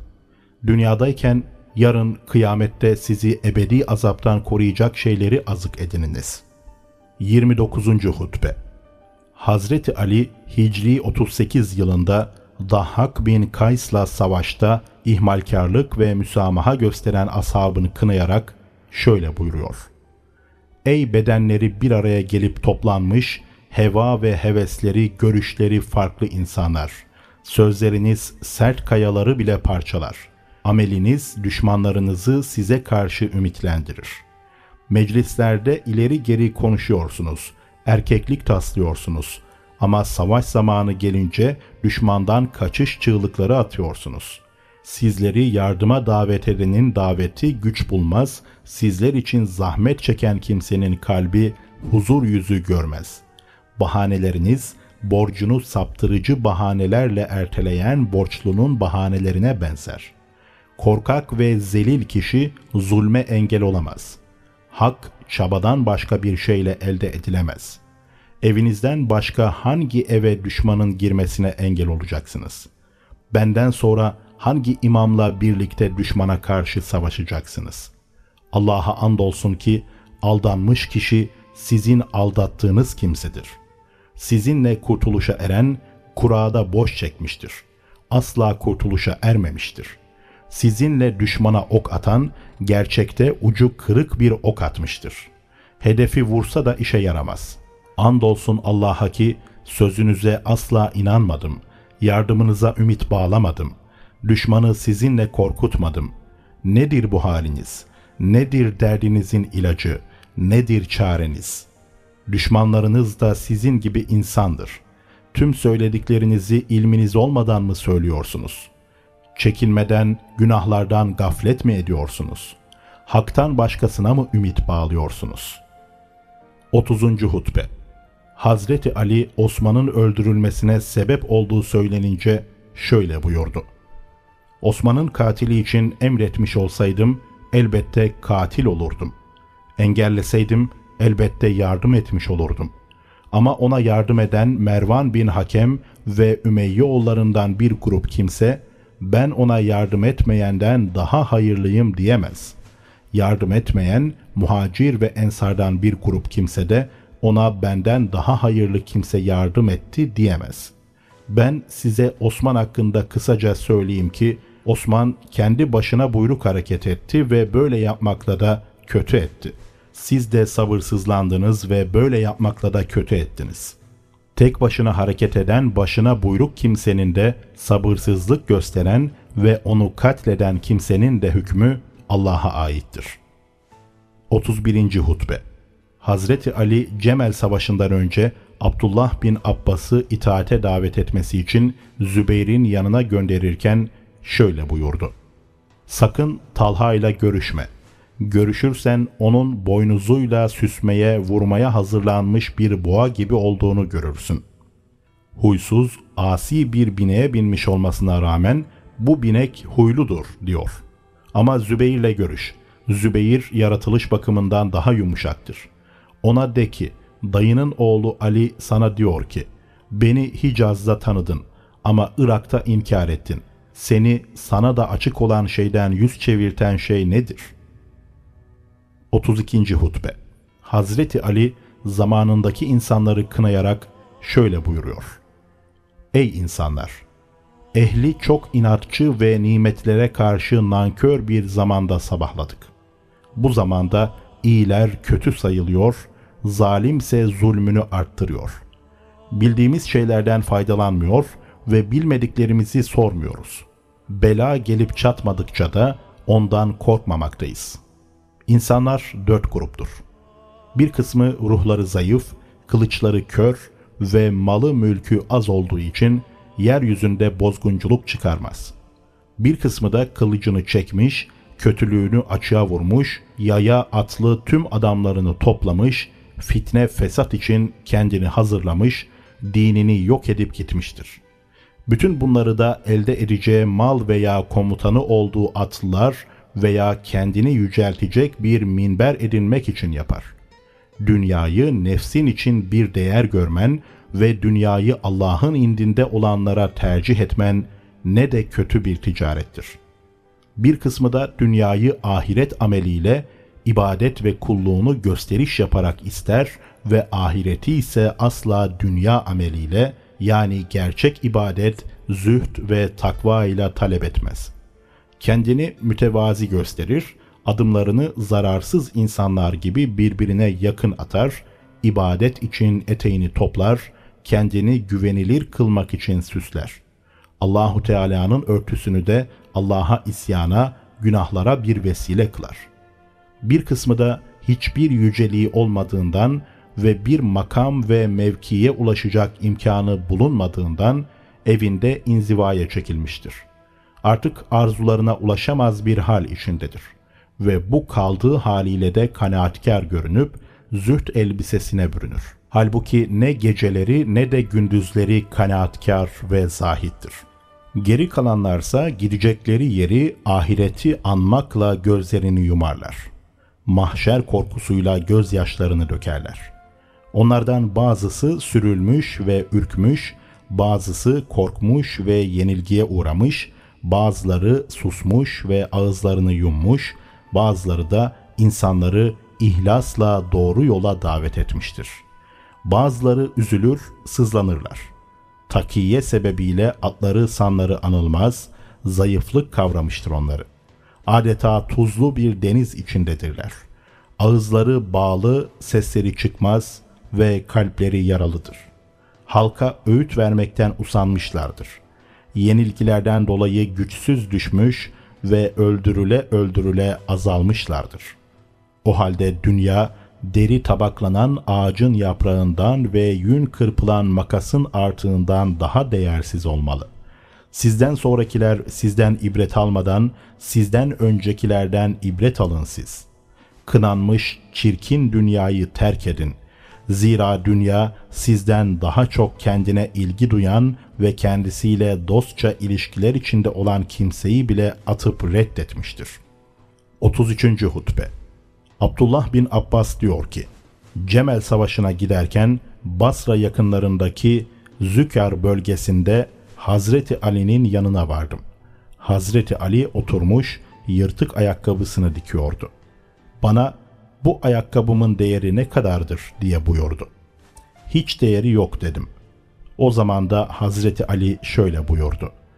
Allah'a yemin olsun ki bu ayakkabı bana sizlere baş olmaktan daha sevimlidir. Sadece bir hakkı ikame edeyim veya bir batılı yok edeyim diye sizlere baş olmayı kabul ettim. Hazreti Ali daha sonra dışarı çıkarak halka şöyle buyurdu.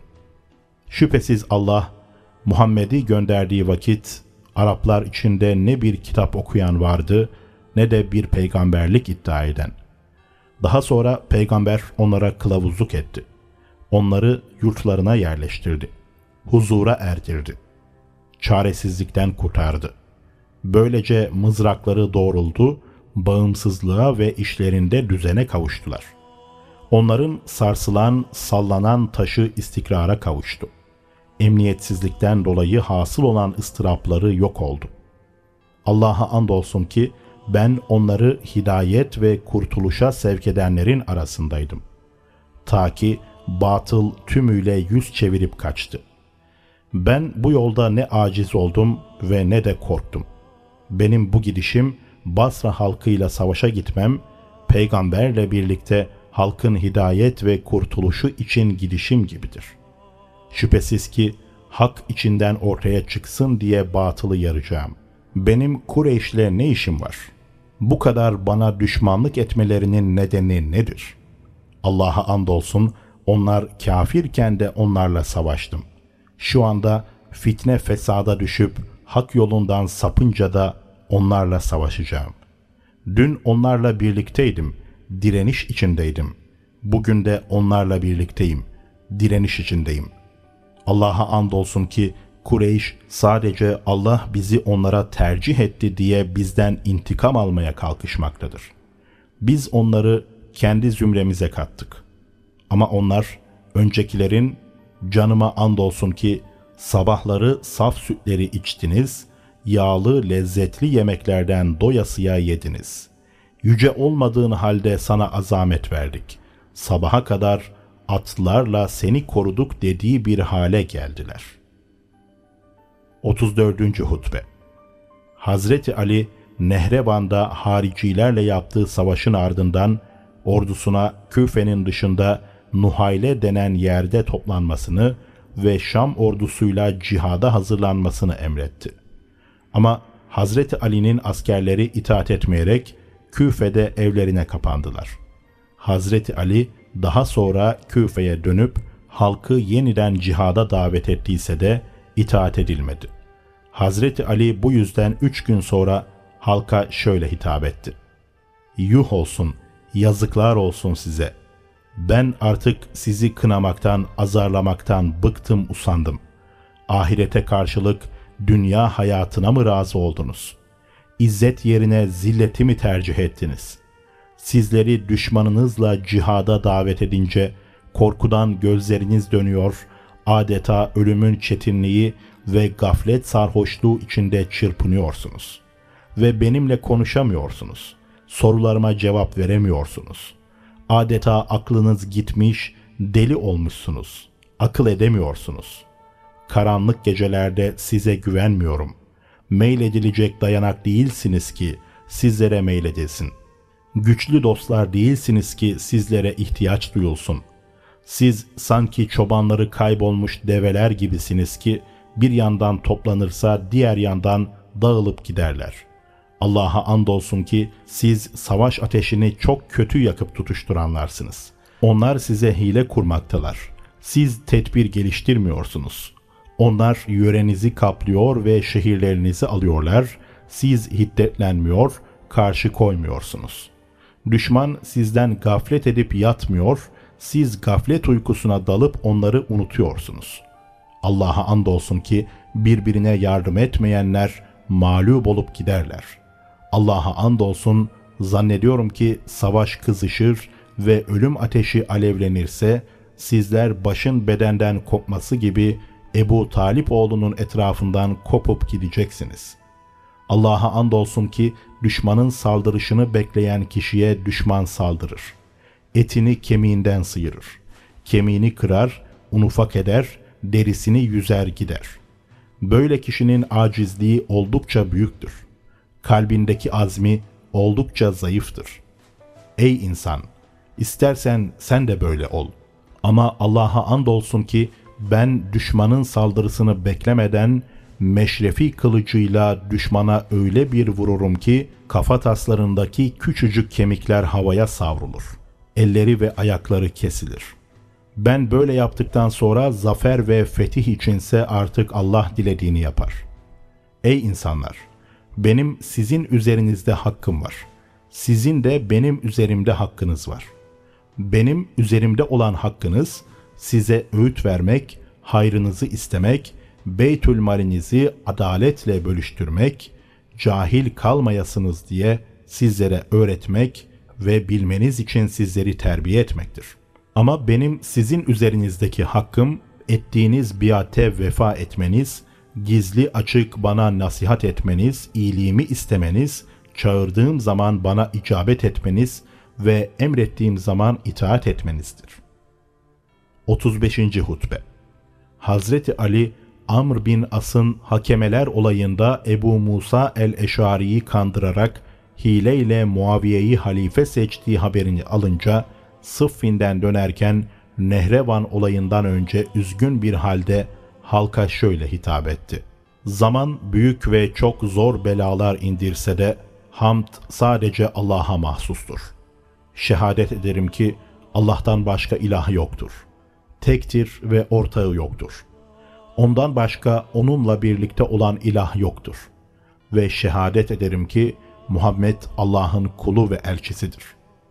Şüphesiz ki tecrübeli, her şeyi bilen, şefkatli bir nasihatçiye isyan etmenin sonu şaşkınlık ve pişmanlıktır. Ben bu hakem tayin etmek hususunda görüşümü sizlere özetle söyledim. Keşke kasirin sözü dinlenseydi. Ama ne yazık ki isyancı muhalifler gibi emrime itaat etmediniz. Öyle ki sonunda öğüt veren bile öğüdünden şüpheye düştü. Ocakçı ateş vermekten imtina etti. Ben ve sizler Hevazi'nin kardeşinin ifade ettiği bir hale düştük. Münaracül Liva denilen yerde mola vermeyelim diye görüşümü beyan ettim size. Ancak ertesi gün kuşluk vakti haklılığımı gördünüz. 36. Hutbe Hazreti Ali Nehrevan'da haricilere son kez nasihat ederek şöyle buyurdu. Ben sizleri sabahlayınca Rabbinizden apaçık bir delile sahip değilken ve elinizde de hiçbir hüccet yokken bu nehrin etrafında öldürülmekten, alçak, yüksek yerlere serilmekten sakındırıyorum. Oysa dünya sizi helak etmiş, Allah'ın takdiri sizi pusuya düşürmüştür. Sizi bu hakem işinden sakındırmıştım. Ama siz dinlemeyerek isyancı muhalifler gibi geldiniz bana. Benim görüşümü bırakıp heva ve heveslerinize kapıldınız. Aklı havada ve sefih topluluk.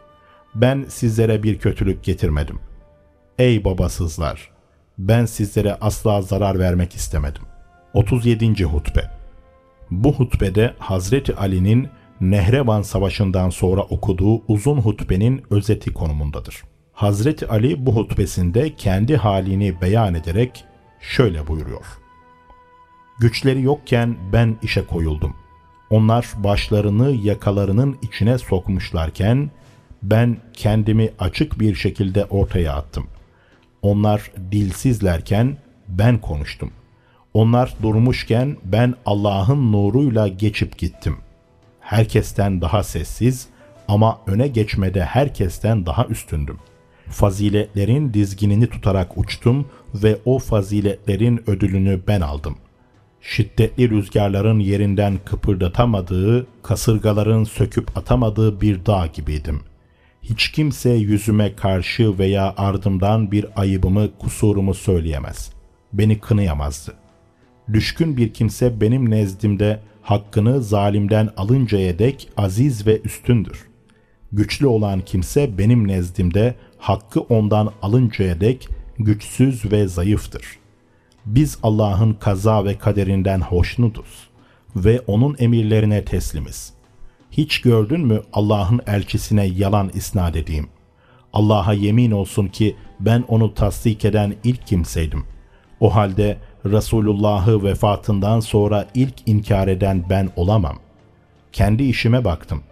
Gördüm ki peygamberin emrine itaat halifeye zorla biatten daha öncelikli ve gereklidir. Ve İslam'ı korumak için peygambere verdiğim söz henüz boynumdadır. 38. Hutbe Hazreti Ali bu hutbesinde şüphenin neden şüphe olarak adlandırıldığını ve hiç kimsenin ölümden kurtulmayacağını beyan ederek şöyle buyuruyor. Şüphe hakka benzediği için şüphe olarak adlandırılmıştır. Allah dostlarının şüphelerdeki aydınlığı, imanları ve kesin bilgileridir. Yolları kurtuluş yollarıdır. Ama Allah'ın düşmanlarını şüphelerde sapıklık davet eder. Kılavuzları da körlük ve şaşkınlıktır. Ölümden korkan ondan kurtulamaz ve dünyada bekayı, ebediyeti sevene beka ihsan edilmez. 39. Hutbe Numan bin Beşir, Muaviye'nin emriyle Irak halkını korkutmak için 2000 kişilik bir güçle Şam'dan harekete geçti. Küfe yakınlarındaki Aynut Temr denilen bölge ise Hazreti Ali'nin Malik bin Kabi Erhebi adında bir valisi vardı. Bin kişilik bir gücü olan Malik, Numan'ın hareketini hemen Hazreti Ali'ye haber verdi. Hazreti Ali, Küfe halkını Mali'nin yardımına çağırdıysa da sadece 300 kişi bu davetine icabet etti. Bunun üzerine Hazreti Ali üzgün bir halde minbere çıkarak şöyle buyurdu. Bir topluma düştüm ki emrettin mi itaat etmezler. Davet ettin mi kabulden sakınırlar. Babasız kalasıcalar. Allah'a yardım için ne bekliyorsunuz? Sizi bir araya toplayan bir dininiz yok mu? Sizi sarsan bir gayretiniz, himmetiniz yok mu?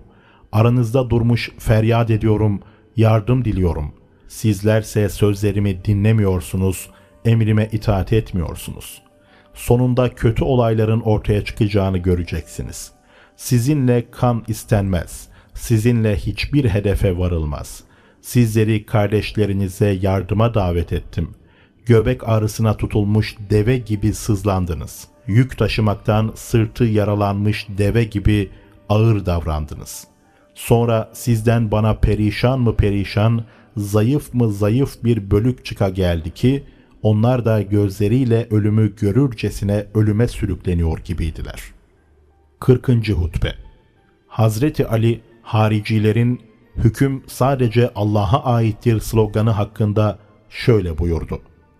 Doğru bir söz ancak onunla batıl irade edilmektedir. Evet, şüphesiz ki hüküm sadece Allah'a aittir.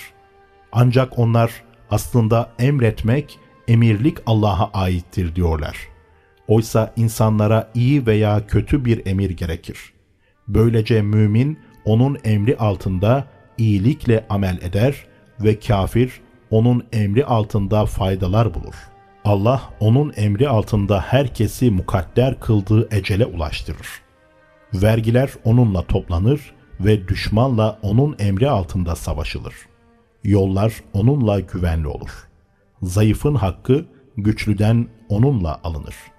Böylece iyi kişi huzura erer ve kötüden emin olur, zarar görmez.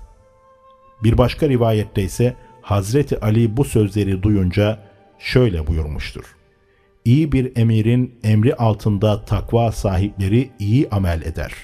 Ama kötü bir emirin emri altındaysa müddeti bitinceye veya ölümü gelip çatıncaya kadar sadece kötüler faydalanır. 41. Hutbe Hazreti Ali bu hutbesinde vefa ve doğruluğu övmekte, hileli düzeni kınayarak şöyle buyurmaktadır. Ey insanlar! Şüphesiz ki vefa doğrulukla beraberdir. Vefadan daha koruyucu bir kalkan yoktur. Kıyamette dönüşün nasıl olacağını, nasıl hesaba çekileceğini bilen kimse asla hıyanet etmez. Öyle bir zamanda yaşıyoruz ki hile düzenini vefasızlığı uyanıklık sayıyorlar. Cahiller onları yani vefasızları uyanık addediyorlar. Onlara ne oldu? Allah onları öldürsün. Uyanık ve iş bilen kimse her işin çaresini ve yollarını bilir, görür. Ama hileye gücü yettiği halde Allah korkusundan terk eder. Ama dinde çekinmesi, sakınması olmayanlar asla fırsatı kaçırmaz ve hileye başvururlar. 42. Hutbe Hazreti Ali nefsin heva ve hevesine uymayı ve uzak emellere kapılmayı kınayarak şöyle buyuruyor. Ey insanlar! Sizin için korktuğum şeylerin en korkuncu iki şeydir. Heva ve heveslere uymak ve uzak emellere kapılmak. Heva ve heveslere uymak insanı haktan alıkoyar. Uzak emellerse insana ahireti unutturur. Bilin ki dünya hızlı bir şekilde geçip gidiyor. Ondan geriye kalansa kullananın bardakta bıraktığı artık su damlacıkları gibidir. Bilin ki ahiret yönelmiştir, yakındır. Dünyanın da ahiretin de çocukları vardır. Siz ahiretin çocukları olun, dünyanın çocukları olmayın. Şüphesiz her çocuk kıyamette annesine, aslına ve ait olduğu yere kavuşacaktır. Bugün amel günüdür, hesap değil. Yarınsa hesap günüdür, amel değil.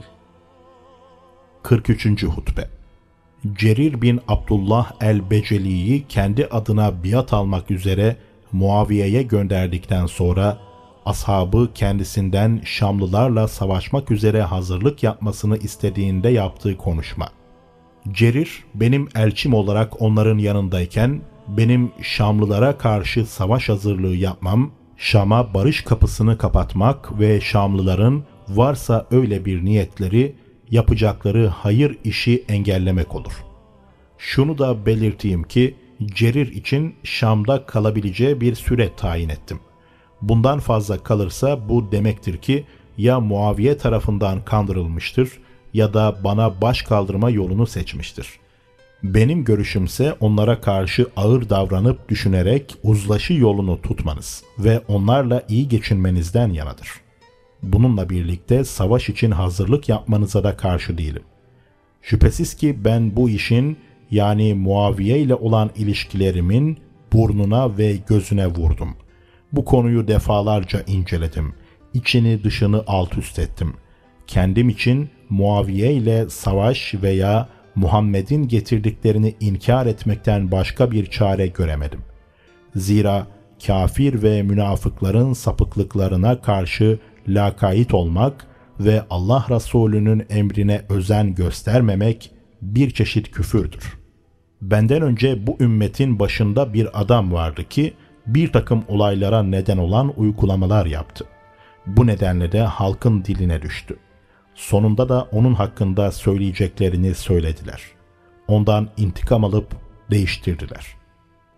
44. Hutbe Maskala bin Hubeyre Eşşeybani, harici olan Beni Naciye esirlerini azat etme karşılığında Hazreti Ali'nin komutanı Makıl bin Kays'a olan 500 bin dirhem borcunu ödememek için kaçıp Muaviye'ye katılınca Hazreti Ali şöyle buyurdu.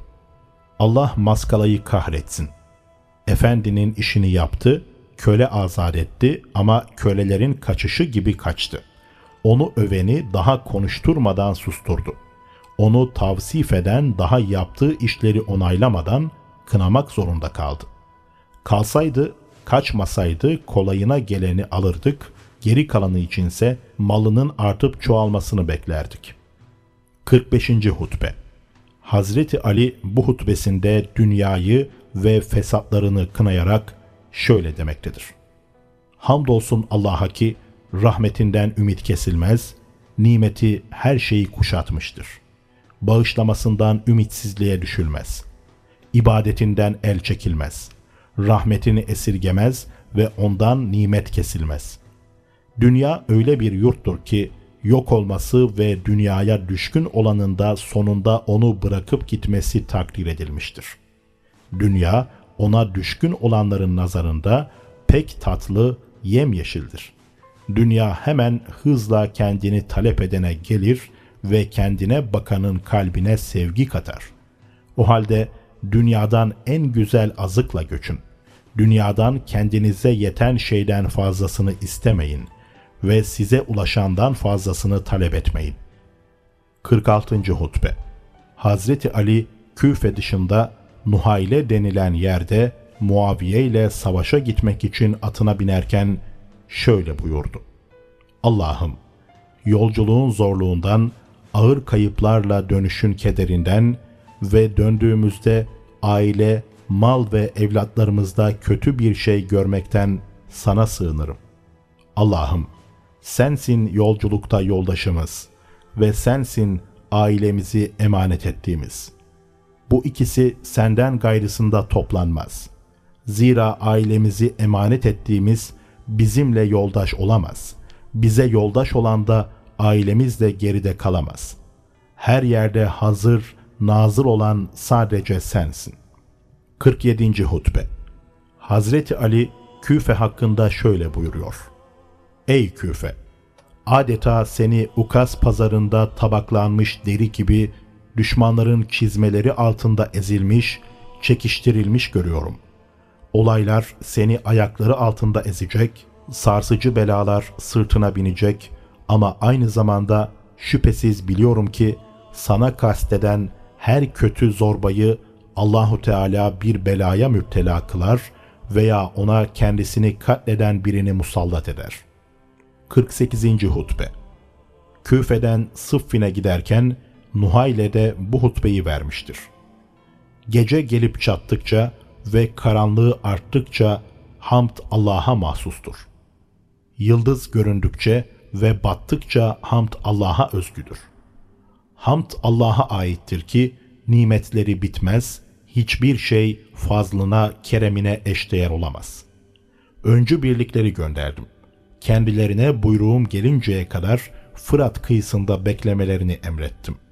Ben Fırat'tan geçerek Dicle etrafında oturan Müslümanların Medain halkının yanına gitmeyi, onları da sizinle birlikte düşmana karşı harekete geçirmeyi ve sizlere destek kılmayı düşünüyorum. 49. Hutbe Hazreti Ali Allahu Teala'nın sıfatları hakkında şöyle buyuruyor. Hamd Allah'a mahsustur ki tüm işlerin gizliliklerini bilir, açık nişaneler onun varlığına delalet eder. Görenlerin gözüne gözükmez. O halde onu görmeyenin gözü onu inkar edemez. Zira eserlerini görmektedir. Onu kalbiyle görenler zatının künhüne eremez. Yücelikte önceliklidir ve ondan daha yüce bir varlık yoktur.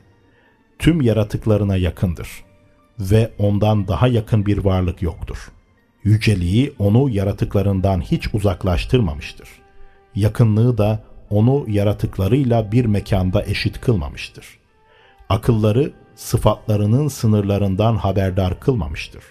Zira sıfatları da zatı gibi sınırsızdır. Ama onu kendilerine farz olduğu kadarıyla tanımaktan hiç kimseyi alıkoymamıştır. Bütün varlık alemi hatta diliyle inkar edenlerin bile kalben onu ikrar ettiğine tanıklık etmektedir. Allah kendisini varlıklara benzetenlerin veya inkarcıların söylediklerinden münezzehtir. Çok daha yücedir, büyüktür. 50. Hutbe Hazreti Ali fitne ve fesadın nedenleri hakkında şöyle buyuruyor. Fitnelerin meydana geliş nedeni sadece nefsin heva ve heveslerine uymak ve Allah'ın kitabına muhalif olan uydurulmuş hükümlerdir. Bazı insanlar da dine aykırı bir şekilde başkalarına hükmetmektedir. Eğer batıl haktan arınmış ve ona karışmamış olsaydı, şüphede olanlar hakikat peşinde koşanlar için gizli kalmazdı. Eğer hak da batıl örtüsünden arınmış olsaydı, inatçı düşmanların dili ondan kesilmiş olurdu. Ama biraz bundan yani haktan, biraz da ondan yani batıldan alınmış, sonra birbirine karıştırılmıştır. İşte o zaman şeytan dostlarına musallat olur. Sadece Allah'ın lütfuna mazhar olanlar kurtulur.''